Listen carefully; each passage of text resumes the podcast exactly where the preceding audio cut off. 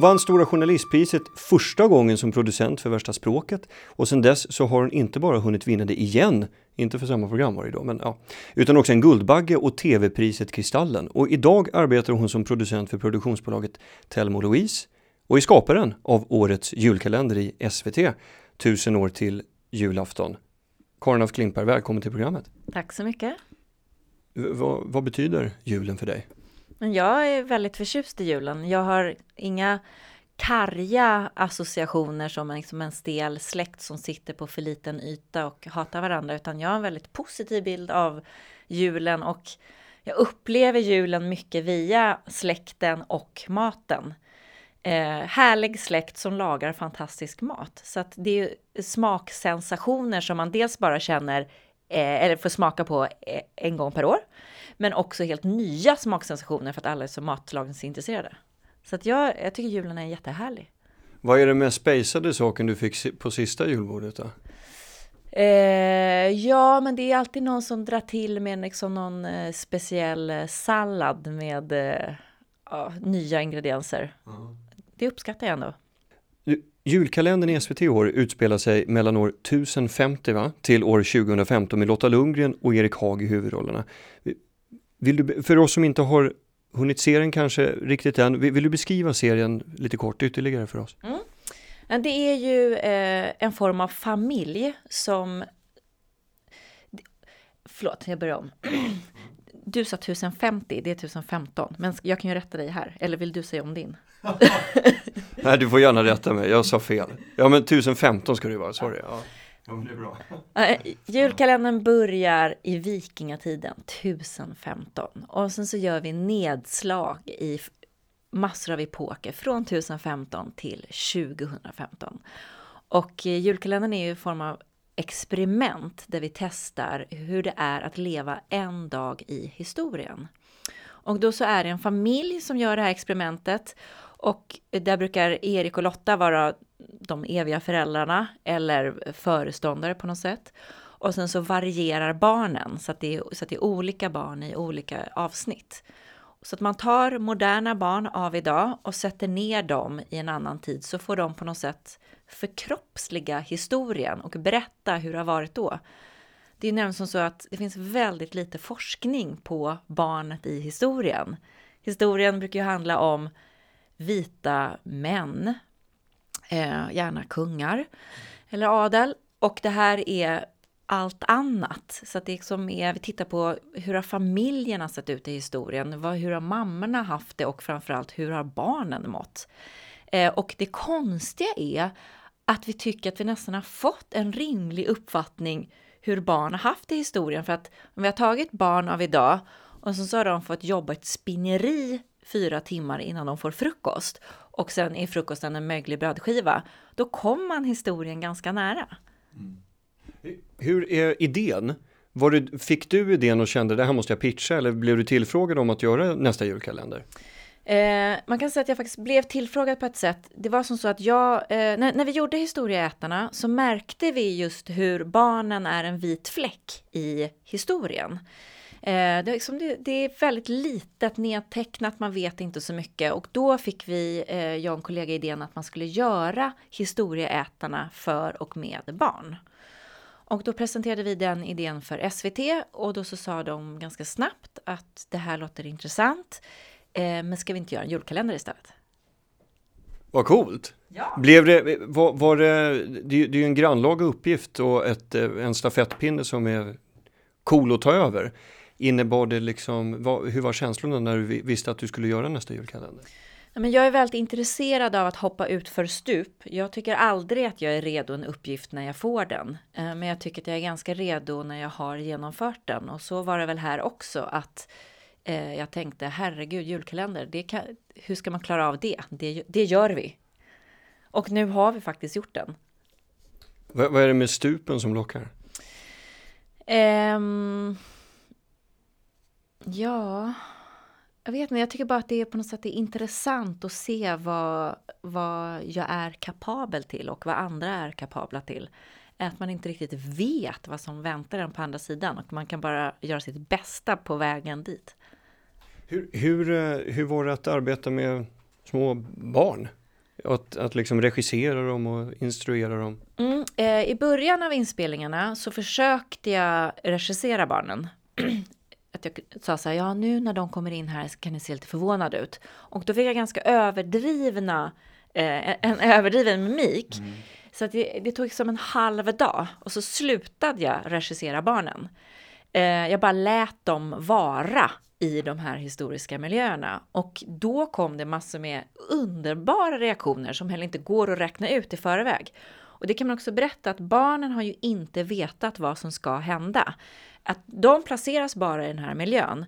Eh, och så spelar Erik och Lotta eh, upp någon form av scen för dem. Och så får de reagera på den scenen. Men det enda de vet är vilken tid de är i och de vet att de kommer överleva dagen.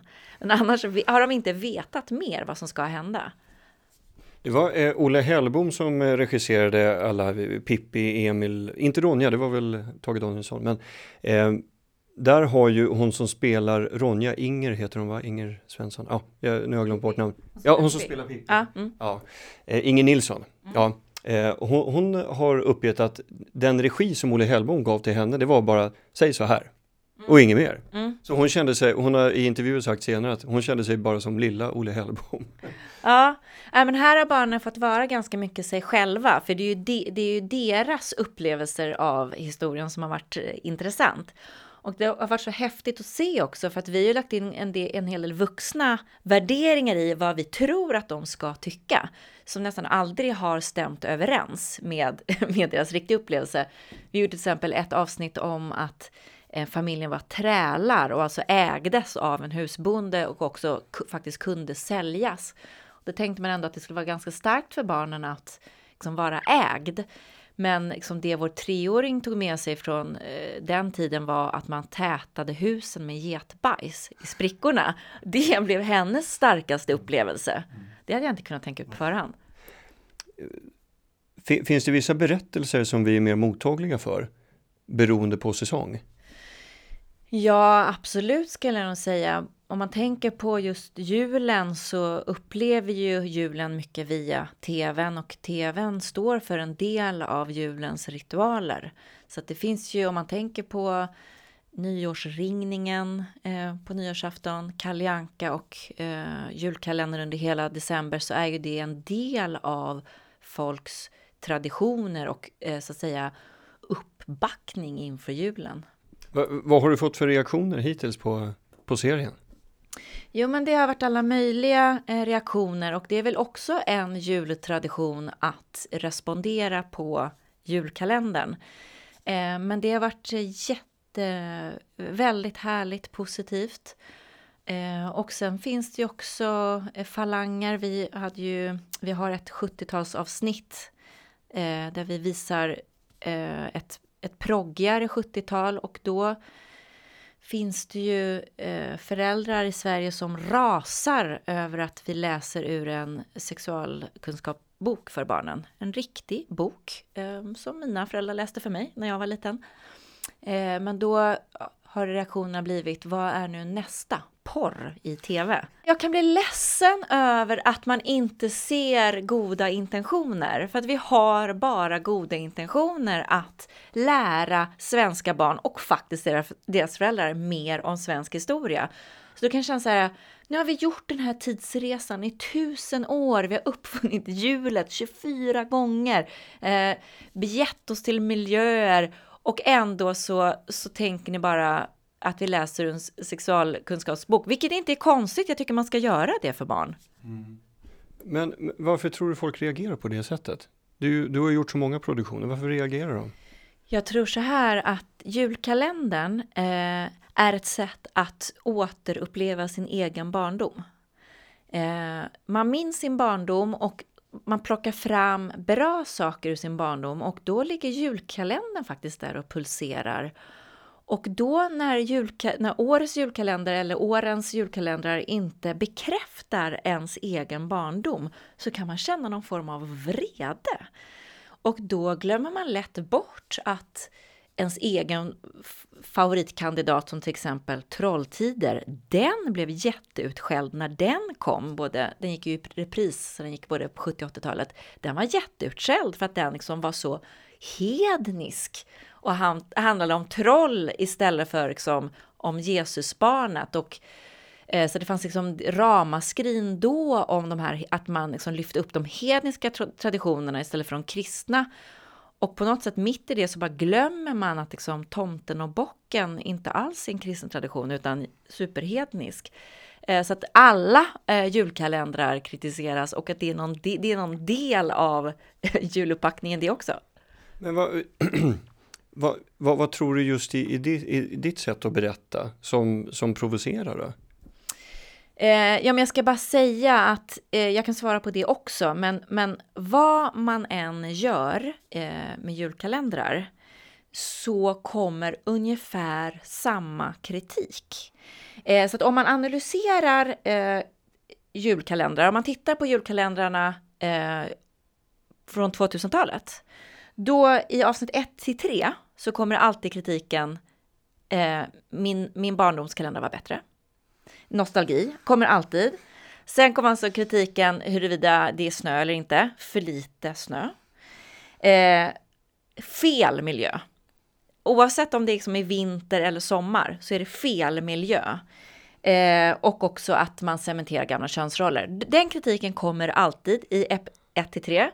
I avsnitt 3 till 5, så, så, så om man tittar på alla julkalendrar, vad de än handlar om, då börjar ord som den, att en modern julkalender dyka upp var, man än, var den än utspelar sig. Mm. Att det är bra stämning, att det är ovanliga nya familjer, det är bra barnskådisar och någon form av lägereldseffekt. Så vad de än har handlat om så är det samma kritik.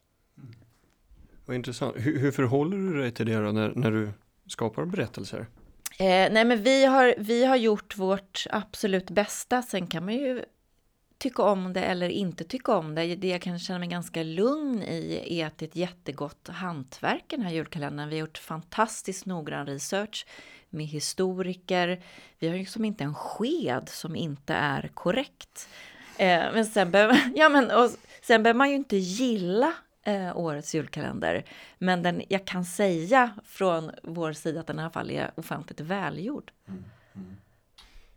Så vad, vad, är viktigt då, tycker du, när man ska skapa en, en berättelse? Ja, eh, jag tycker att eh, det, det, finns många ingredienser som är viktiga för en berättelse, men det, på något sätt så handlar det om att kombinera liksom, eh, hjärta med hjärna. Att eh, det måste finnas en, eh, en empatisk historia, man måste ömma för någon eller några. Eh, men men det är också, jag gillar ju att kommunicera med fakta, att, att lära ut saker. Och då tycker jag att eh, humor är en väldigt härlig portal för kunskap och information. Så jag har ju jobbat mycket med att lära sig saker i ett skratt. När munnen är öppen, då kan man dra vilka fakta som helst. Men man kan inte börja med att dra fakta, man måste först få tittaren att öppna munnen, till exempel i ett skratt.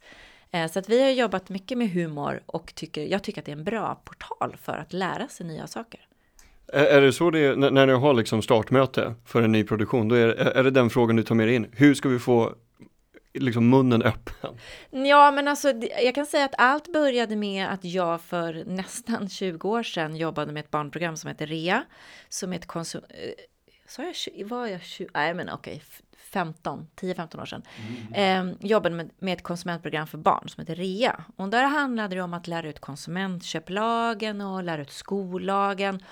Och då var ju vi tvungna att journalistiskt tänka hur ska vi få en nioåring att förstå hur marknadsföringslagen eh, fungerar. Och då finns ju vissa journalistiska knep att ta med sig att till exempel inte bara prata om en lag utan visa hur den faktiskt fungerat, Att gestalta istället för att bara prata om någonting. Och allt det som jag journalistiskt lärde mig i när jag gjorde barnprogram, eh, då när vi gjorde REA, det har jag tagit med i vuxenproduktionerna. Så man tänker värsta språket som man ser, som jag gjorde i början av 2000-talet eh, med Fredrik Lindström. Där var det ju jättemycket barnprogramstänk fast för vuxna. Och sen har jag gjort då massor med vuxenprogram, Historieätarna och Värsta språket och Världens modernaste land. Eh, där vi hela tiden jobbar lekfullt, men det är egentligen så som jag jobbade med barn. Så nu har det gått, kanske gått varvet ut när jag gör julkalendern som återigen då riktar sig till barn. Eh, men det finns ju knep för att man ska få folk att lyssna.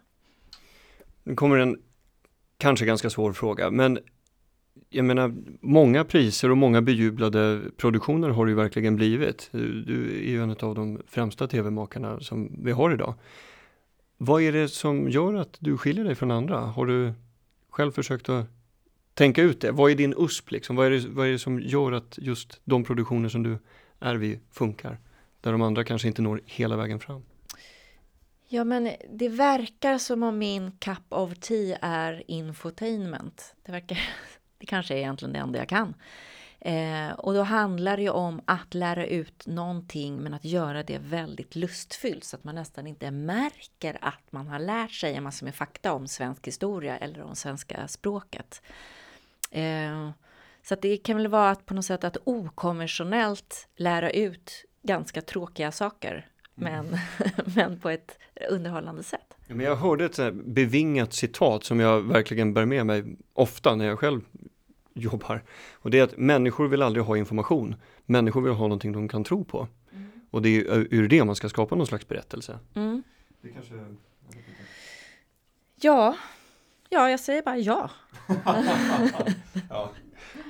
Svår fråga att ställa. Du, eh, du kommer från en eh, släkt fylld av olika kreativa genier. Din bror är underhållningschef eh, på Sveriges Radio. Eh, Daniel af Klimpar var min beställare en gång i tiden. Ja. ja eh, och du är brorsdotter till clownen Manne och det finns säkert en, en rad fler exempel. Mm. Hur tror du, det, alltså hur tror du att det har fallit sig så? Ja, nej men jag tror att eh, vi, eh, vi har en ganska stor släkt och härlig släktgemenskap. Jag tror att vi har fått, som barn har man fått vara sig själv men ändå blivit trodd på. Och vi har fått liksom leka väldigt mycket i, i vår uppväxt. Sen tror jag också, jag växte upp på 70-talet och då eh, det var ju en tid då man följde med sina föräldrar på allting. Jag var med på liksom, eh, utställningar, demonstrationer, upprop, konserter. Jag, menar, jag har ett starkt minne av eh, som geten på Moderna Museet. Mm. Eh, liksom, Rauschenbergs get med däcket runt. Ja, ja. Rauschenbergs get liksom är en del av min uppväxt. Så att jag, jag tror att jag inte fattade att eh, vi tog del av liksom, kultur på massor med olika plan bara genom att eh, hänga med. Eh, och se, nu gör vi ett jävla stort hopp här, men, men eh, det är ju poddvärlden vet du, folk är ju så jävla otåliga.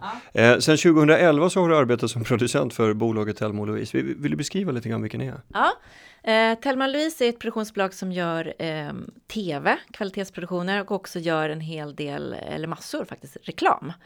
Eh, och nu när liksom, reklam och storytelling och liksom, serier när, liksom, flyter ihop så pass mycket eh, så har ju det blivit många uppdrag för oss och jätteroliga uppdrag när, när reklam är så mycket mer än reklam. Eh, men just jag jobbar med tv-delen och vi gör ju eh, ja, olika tv-serier som alla är bra. så han helt objektivt.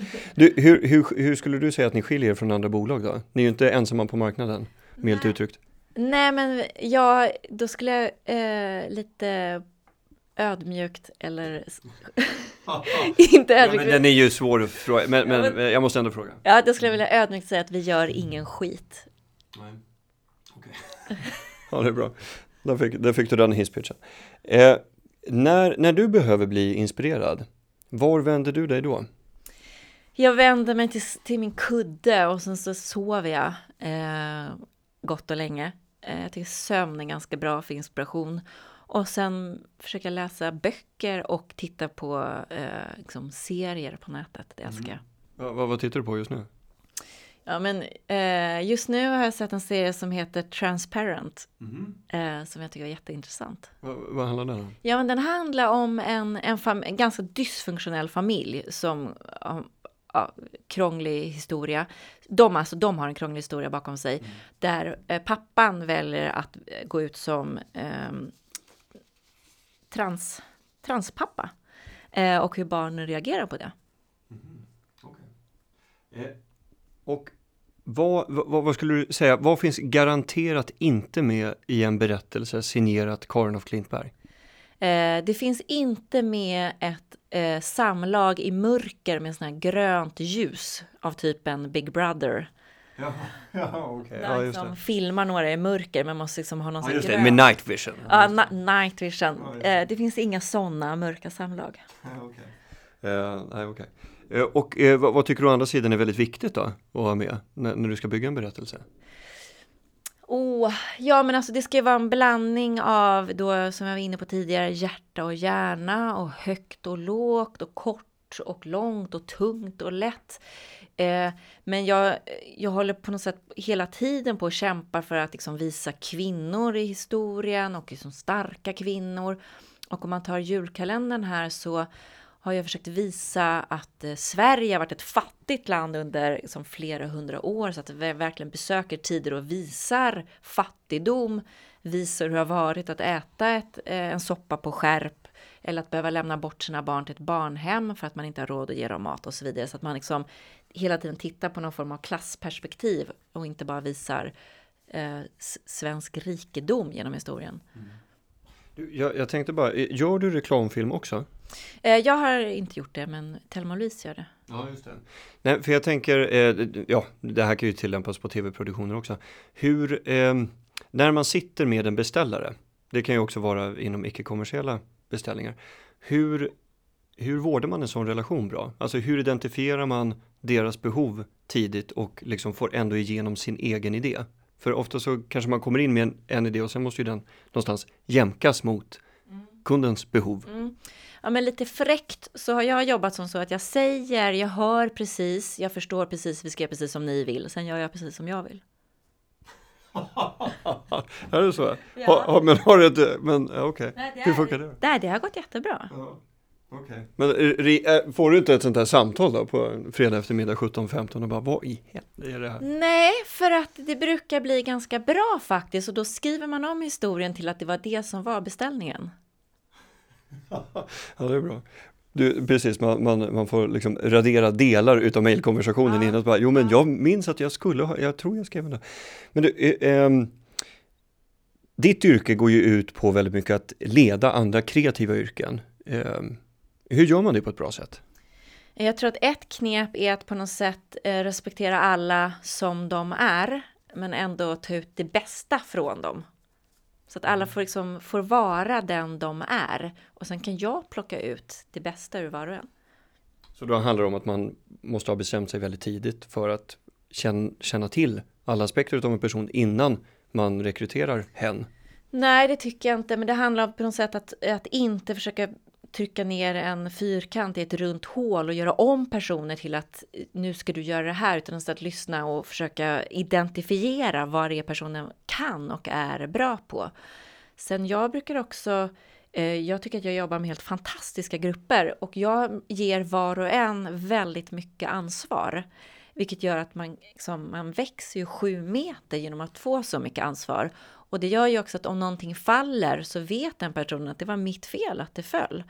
Eh, så att alla överlevererar på ett helt fantastiskt sätt. Jag tycker att liksom, redaktionellt kan vi lyfta berg för att redaktionerna är så bra. Vad, vad tycker du är tuffast då? I din roll som, som chef eller ledare? Uh, ja, men en sak som jag verkligen tycker är tuff, det är att vi har ett schema uh, där vi ska spela in någonting varje timme. Och nu har jag jobbat väldigt mycket med historiska produktioner. Det ska liksom vara kärl och tapeter och kläder och peruker.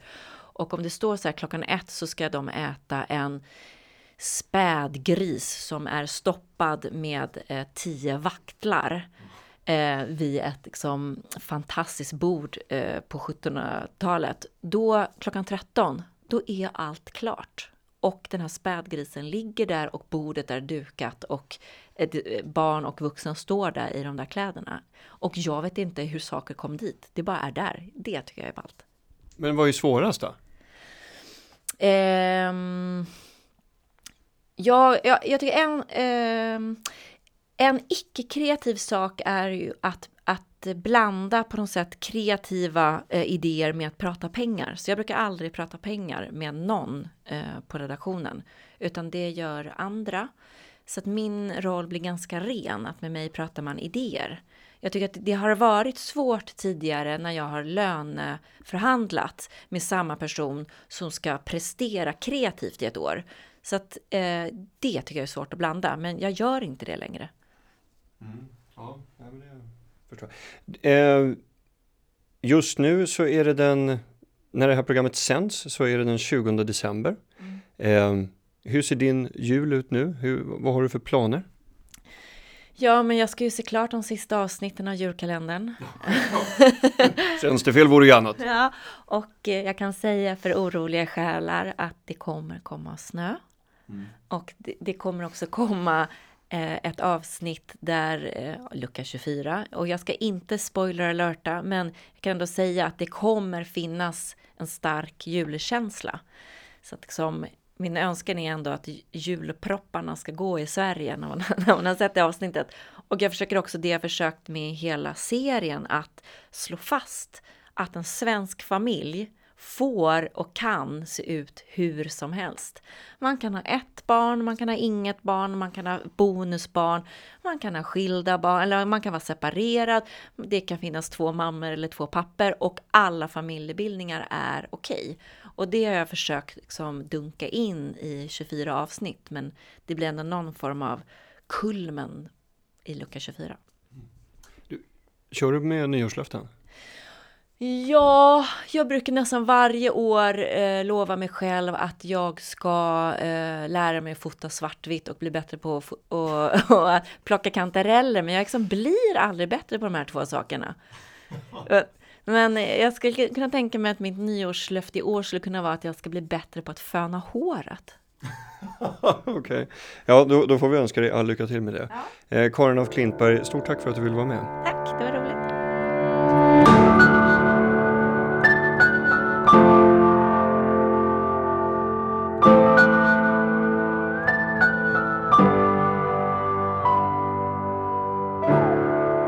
Kommunikationspodden produceras i samarbete med Dagens Media av Storstad Medieproduktion.